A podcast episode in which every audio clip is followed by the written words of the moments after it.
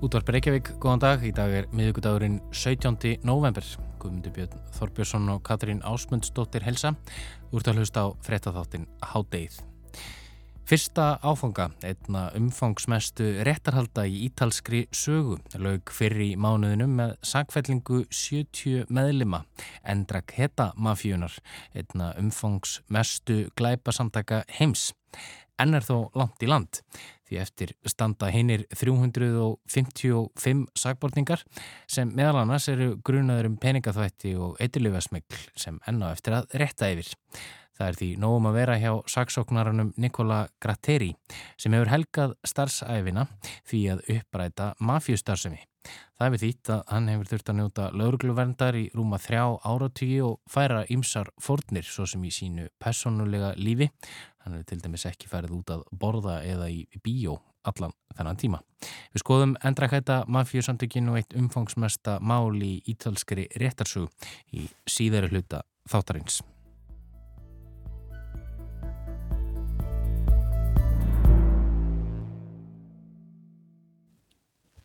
En við hefjum þennan þátt á því að tala um rafhlöður eða batteri.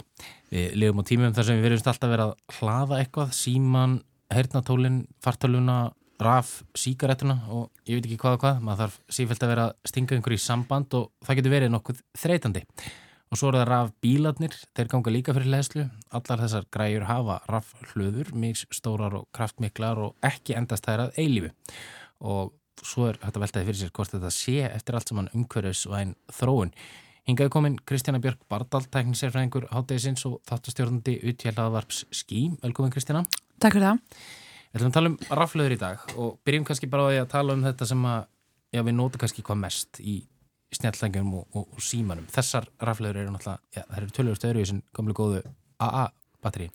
Já, svona þessi klassísku raflöður eru úr syngi og magnísjum En það sem við notum í snjáltækinum okkar eru lithium-jóna raflur. Lithium er malmur og þá er sérst hérna, ákveði, já það eru jónirnar í lithiumum sem er notað í raflur.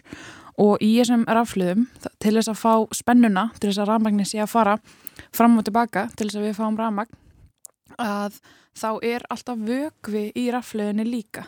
Eða svona hvað heitir þetta, uh, electrolytes mm. eða fljótandi raflust það sem að það bara batterið er að vinna. Já. og það getur verið hættulegt að vera með vökva í rafluðum þar sem það getur valdið eldhættu. Mm. og við kannski munum mörg eftir því að Galaxy Note 7 símanir þau voru að springa. Mm, það var hérna 2016-17 og það voru alveg 112 síma sem sprungu. Og var þetta út af Út af þessum vögvaðið? Já, þetta var út af batterjum eða raflum mm. og rafluðnar pössu ekki nógu vel í símana en það er það að því að við erum með þetta, þetta vögvaform á þessu formi að þá getur það að vera að valda því að það sé meiri eldætta heldur en til dæmis að rafmagnið væri þá frekar að fara í gegnum fastform. Mm -hmm. Og þessar rafluður er hægt að hlaða aftur og aftur? Já, Já. þannig að lithiumjónirnar er hægt að hlaða þær aftur og aftur og og við hefum svona oft heyrt um það að ef þú ert ekki alltaf að tæma batterið eða raflöðuna þá er það ekki náðu gott og eitthvað svoleiðis. En það hefur verið mikið þróun í þessu og flestar raflöður getur bara verið hlaðanar aftur og aftur og háði hvenar þú ert að hlaða hana aftur. Mm -hmm. en með tímanum að þá mingar hámarkslerslan þannig að hún getur ekki verið að hlaða tölvuna þannig að hún endist í 12 tíma heldur endist hún kannski í 5 tíma og svo framleiðis mm -hmm. En hver er sko munurinn á þessum raflöðum og til dæmis raflöðum sem við notum í bíla? Herru, það er verið að nota þessar raflöður í bíla. Mm -hmm. Nefna hvað að það eru settar þannig upp að það eru margar raflöður, svona litlar einingar. Þannig að það sé verið þá að um, hlaða ennþá meira inn á bílana. Já. En það er verið að þróa þetta og þá sérstaklega verið að reyna þróa raflöður fyrir bíla sem eru með fastform frekar en fljótandi form. Já. en það er líka hægt fyrir sumaraflöður þá ætti að vera með svona gél sem er svona blanda af föstu og fljótandi formi og það er verið að nota í svona þessa minnstu tæki þannig að mm. þarf ekki að vera með einn stórar raflöður En er þetta þá þannig að sagt, í bílunum, þetta er ekki þannig að það sé einn rísastór raflaða? Nei, allavega ekki með það sem ég skoði. Það eru mhm. frekar fleiri raflur þannig að það sé mikið af stað til að geima rammagnið. En það er náttúrulega greiðilega tekni á, á bakvið þetta. Mm -hmm. Og þetta var alveg, þú veist, það er búið að skoða uh, rafmagnstúna bíla í mörg ár, þú veist, fyrsti rafmagnspílinn var hann 1880 1880? 1880, en svo bara tók vélinn yfir, sko. Já. Mm. Þannig að það er rosalega áhugavert, en í þessum rafmagsbílum að þá eru raflöðunar lang, lang, lang dýrastu parturinn af bílinum sjálfum. Já. Og í dag erum við með um 10 miljón bíla í nótkunni í heiminum. Þannig að það er svolítið stort Mhm. spursmá líka þú veist að fólk vil náttúrulega bílinn ná að fara langt mm -hmm. og svona helsta vandamálið er að það tekur langam tíma að hlaða bílinn mm -hmm. þú veist að það tekur lengri tíma að hlaða bíl fyrir sömu vega lengt og það myndir dæla bensíni Já. þannig að það er verið að reyna að gera þetta hraðar þannig að það borgir sér virkilega líka tímalega sér fyrir fólk að vera með ramaspíl einmitt, einmitt. En er oft talað um sko, umhverjus áhrifin af, af uh, uh, rafluðum og, og þá er kannski verið að spyrja sko, hvernig Er, er, þetta, er þetta eitthvað sem er endurvinnanlegt? Er þetta að nota raflöður aftur? Mm, þetta er mjög góð spurning sko og ég var svolítið svona að reyna að skoða þetta og ég komst því næst að það er ekki nema 5% raflana sem eru endur unnar en það er alveg hægt að endurvinna þér. Þannig að það er líka svolítið í ferlinu í bara, sagt, bara öllu ferlinu frá því að bílum verður til og þá til að hann er eitt og bara öllum raflöðum að fólk sé að skila þessu og að sé kerfi sem að tekur við batterið eða raflöðunum og er að fara með það rétt að staði. Æði það eru fyrirtæki að borða við allavega Nissan og fleiri sem eru að endur nýta gömlu raflöðunar í gömlu bílunum eða allavega parta úr þeim í nýja bíla og þegar það verður síðan að fara að endurvinna þetta að þá er hægt að endurvinna alveg 80 til 90% af því sem er í raflöðunum þannig að það er alveg hægt en það þarf líka að koma á tækni þannig að við erum endur vinna jafn rætt og við erum að framlega og eins og við er það alls ekki við erum að hérna, framlega miklu meira heldur en við erum að endurvinna sko. mm -hmm. Og hvernig framlega maður raflöður? Er þetta ekki, úr, úr hverju er þetta gert? Sko það eru, þetta eru svona mest malmar og þá hlaðunir malmar eins og lithium jón. Það er bara verið að hlaða, hlaða þetta svona ákveðin eining úr malmunum en þegar það verið að endurvinna þetta þá er hægt að fá tilbaka úr þessu lithium, nikkel, kopar og kópalt og þessi efni eru af skortum skamti í heiminum. Og það er líka bara tímaspjörsmál, ég var að horfa einhver myndbönd sko að það er alveg, þau voru spáka 5-6 árum þá til að vera bara skortur á okkunum malmum og við þekkjum þetta, ég held með þess að Playstation 12 það voru svona mikil mm -hmm. hérna skortur á þeim með að tafir vegna þess að vanta okkur mál, mm þannig að það þarf að byrja að pæla í þessu að þetta eru endanlegar auðlindir, það er bara endanlega mikið til þannig að við þurfum að passa þetta og endurvinna þetta og líka bara pæla í því að frekar að fá efnin aftur tilbaka og því sem við erum að nota því að það tekur líka greiðilega mikið kólmensfótspor að ferðast með þetta milli að ég held að kópalt sé vera, mest vera bora eftir að finna það í Afríku. Þannig að þetta er rosalega mikil og stór virðiskæðja og hvað heldur langmestar aflöfum fyrir Tesla er verið að framlega í bandaríkunum þannig að þetta er rosalega langa velindir sem þessi efni þurfa að vera ferðast. Einmitt það, það er að mörg að huga Kæra þakki fyrir komin að hátegi Kristjana við uh, í hátteginu höldum áfram að loknum háttegisrættum og þá ætlum við að fjalla um ítalska mafíu starfsemi og réttarhöld yfir Endraketa mafíunni.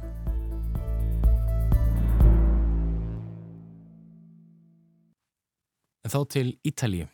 Fyrsta áfanga einna umfangsmestu réttarhalda í ítalskri sögu lög fyrir í mánuðinu með sakfellingu 70 meðlima Endræketa mafíunar, einna umfangsmestu glæpasamtaka heims. En þótt sakfellingarnar virðast kannski margar, marka þær aðeins upphafið, því enná eftir að rétta yfir hinum 355 sakborningum málsins. Katrín Ásmundsdóttir kannar nú sögu Endræketa mafíunar, starfseminna, lauruglaðagerirnar og réttarhaldin. Endrangheta mafían eru stæstu og hættulegustu glæpasamtök Ítalju og jafnvel heimstelja margir og samtökin eru lungu orðin bæði vald og umsvifa meiri en hinn þekktari síkileiska mafía Cosa Nostra. Endrangheta mafían á sér ymsar sérstæður, til dæmis eru þau fyrstu alþjóðavættu ítölsku mafíusamtökin en skipulögð glæpastar sem er samtakana tegir ánga sína víða um heim, svo sem til Þískalands, Ástralíu og Kanada og já, raunar er talið að einhvers konar starfsemi á vegum samtakana sé að finna í öllum heimsálfunum 5. Samtökin eru þó uppbrunnin í Kalabríu héraði síðst á Ítalíu, einu fátækasta og síst þróaða dreifbíli svæði landsins.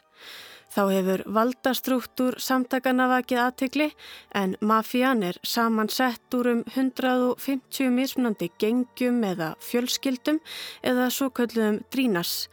Það er að segja hálf sjálfstæðum einingum sem almennt starfa hver í sínu hodni. Hinnar mismunandi fjölskyldu einingar eru almennt haldar koma saman aðeins um einu sinni á ári til að samhæfa og samræma starfsemi mafíunar. Lengi vel var því talið að valda strúktúr endrangheta væri flatur ákveðið bandalag fjölskyldna.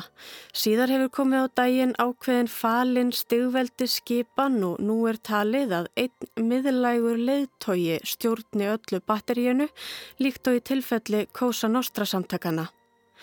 Bæði vegna þessarar sérstöku þrautsegu uppbyggingu mafíunar, þessara hálf sjálfstæðu starfsemi mismunandi eininga og þar sem hver eining er oftar en ekki uppbyggð af bókstaflegum skildmennum, bókstaflegum fjölskyldum getur einst afar erfitt fyrir lögreglu og yfirvöld að hafa hendur í hári meðlima en það standa fjölskyldur jú oftast saman, hugsa vel um sig og sína og því einstaklega krefjandi fyrir yfirvöld að fá fjölskyldummeðlimi til að kjafta eða vittna gegn hvor öðrum. Öðrumáli gegnir þó um óskilda meðlimi Þá hafa meðlumir endrangheta orðspor á sér fyrir óvanalega lipnaðarhætti sem þó eru skilvirkir eða árangusríkir með tilliti til þess að starfsemi þeirra er ekki beint lögleg og margir á höttunum eftir þeim. En margir meðluma samtakana búa sem einsetumenn í óbyggðum á suðurhluta Ítalju sem oft er ekki hægt að nálgast nema fótgangandi, fara jafnvel ekki út úr húsi nema í neðanjarðargöngum, dvelja stundum í neðanjörðar byrgjum eða á bakvið falska veggi í glæsihúsum, jafnvel í sérstökum felu gröfum fyrir lifandi menn. Háttsettir meðlemið nota oftast ekki snjalltæki og tækni, eiga gerðnan ekki farsíma, ekki einu senni fax og vinsæl samskiptaleðmiðli meðlema er gegnum lítil pappirsnifsi. En þrátt fyrir að styðjast við bóðleiðir sem við teljum kannski í dag vera úraldar og óskilvirkar virðast þær ekki hafa bytnað á starfsemi mafíunar því þeim hefur þrátt fyrir allt tekist að verða að auðugustu glæpasamtökum landsins en talið er að samtökin veldi meiru á ári hverju en Deutsche Bank og McDonald's samanlagt. Og hvernig faraðu að því? Jú, með útbreyttri, fágari og fjölbreyttri skipulari glæpastarsemi á borð við fjársveik, peningaþvætti, fjárkúun, þjófnað, hótanir, vopna, innflutning, morð og mannrán, svo dæmi séu nefnt. Helst fælst þó starfseminn í umfangsmiklu eiturlifja smikli og sölu, innflutningi og útflutningi en talið er að mafíusamtökin stjórni stórum hluta kókain yðnaðarins á heimsvísu meðal annars flytja samtökin inn mest af því kókaini sem finna má í Evrópu.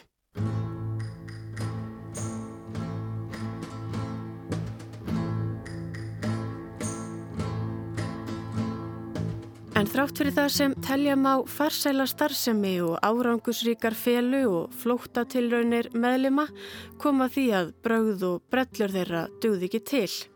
Láreglu yfirvöld hafa lengi rannsakað endrang heta mafíuna og reyndað upprætana, umfangsmikil rannsókn sem náði yfir gjörfalla Ítalíu og jafnvel utanennar hófst árið 2016. Þá tókst yfirvöldum að sapna saman hinnum ímsu sannunagögnum svo sem um 24.000 upptökum á samtölum og símtölum fólks.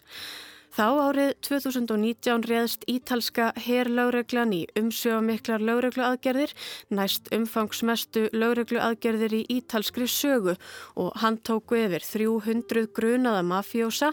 Einhverjir þeirra voru hátsettir embættismenn, svo sem borgarstjóri, stjórnarmadur í stjórnmálaflokki, fyrirverandi þingmaður og lauruglustjóri. Þau grunuðu voru söguðum ímislegt meðal annars fjárkúun, morð, peningaþvætti og fyrir að taka þátt í skipulaðri glæpastarsemi mafjunar. Suma sakbortninga þurfti að hafa uppi á utan Ítalíu og því tegði aðgerðin sig til dæmis til Þískaland, Sviss og Búlgaríu. Aðgerðinar náðu einni til Kanada en þarlend yfirvöld samhæfðu aðgerðir sínar við þau ítölsku, hann tóku 21, framkvæmdu tæplega 50 húsleitir og lögðu hald á 20 miljóna dollara af illa fengnu fjö og rúmlega 20 luxus og sportbíla. Einn hinn að handteknu var Angelo Figliomeni, meintur mafjufóringi, ræningin sem laurugla hafi loks upp á í Toronto en ítalska lauruglan hefur reyndi meira en áratug að hafa hendur í hári hans. Ári áður höfðu lauruglu yfirvöld á Ítalíu í Hollandi, Þískalandi og Belgíu haft uppi á og handtikið um 90 grunaða meðlemi endran heta. Á meðan á rannsókninni stóð það er að segja á árunum 2016 til 2019 náðust ymsir grunaðir mafjufóringar. Til dæmis var ítalski mafjufóringin Francesco Ritano gripin hálf nakin þá í sumarleifi á Sigilei. Þá náði lögregla tveimur eftirlýstu mafíufóringum, Giuseppe Ferraro og Giuseppe Crea, í neðanjarðabyrgi í fjallendi Kalibríu héras en þar hefði þeir dvalið um langa hríð, annar hafði farið hulduhöfði frá 1998 og hinn verið horfin frá 2006 en þeir voru eftirlýstir fyrir aðild að morðum og fjölda annara glæpa. Töluvert af vopnum fannst í byrginu, þar um meðal nokkrar byss byssur og tvær vélbyssur. En þetta var ekkert luxus líf beint í byrginu en að sögn lauruglu var þar bæði þröngt og óvistlegt þótt þar væri að finna eldunaraðstöðu og ramagn.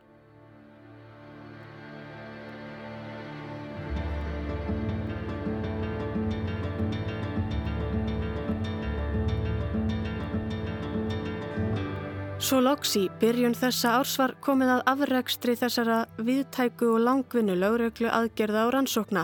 Það er að segja einum umfangsmestu mafíu réttarhöldum í sögu Ítalíu. En réttarhöld af viðlíka stærðargráðu hafi ekki verið haldinn síðan fjölskyldur í Cosa Nostra mafíunni voru sóttar til saga í Sigilei á nýjunda áratögnum. Til marksum umfangi má kannski nefna það að um þrjár klukkustundir að fundi dómara og lögmanna í aðdraganda réttarhaldana fóru bara í að lesa upp nöfn allra sagbortningana 355. Auk mafjósa eru ymsir hátsettir einstaklingar meðal sagbortninga, allir grunaður um aðildað mafjustarðsemi. Þó er þar efstur á bladi Luigi Mancuso, 66 ára, meintur fóringi Mancuso fjölskyldunar sem er í forgrunni réttarhaldana. Vittnin eru þá tæplega þúsund.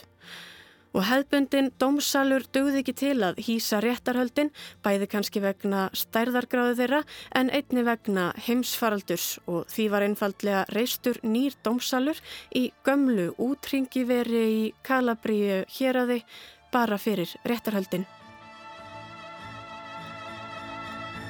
Og allt mun þetta væntalega taka sinn tíma. Engin veit þó nákvæmlega hversu langan en búist er við að málinu verði í fyrsta lagi lokið árið 2023.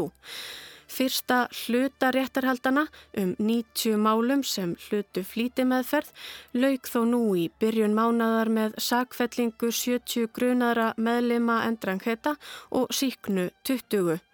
Refsingina sakveldu var allt frá um tíu mánuðum til um 20 ára og um það byl þriðjungur sakbortninga hlutu um og yfir 10 ára fangilsistóm.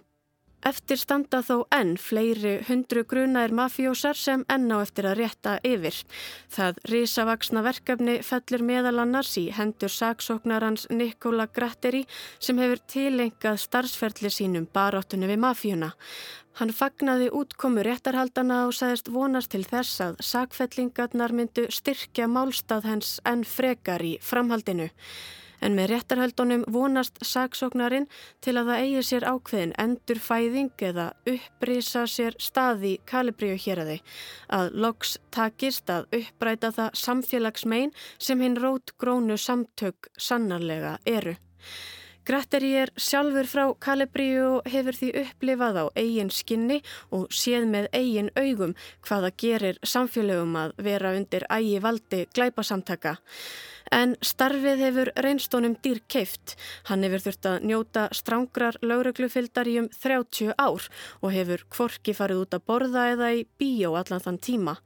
Sjálfur segist hann ekki eiga neitt líf en lauruglufildin er þó ekki til komina ástæðu lausu en í áður nefndum mafíuréttarhöldum gegn sikilesku mafíunni í Palermo voru tveir saksóknarar myrtir.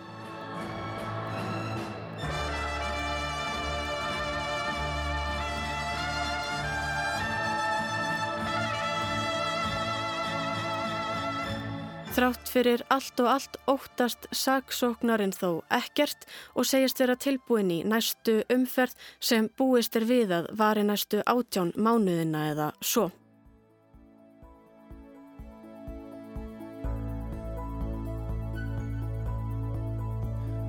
Og þetta verða loka orðin í hátteginu í dag. Við verðum hér aftur á sama tíma á morgun.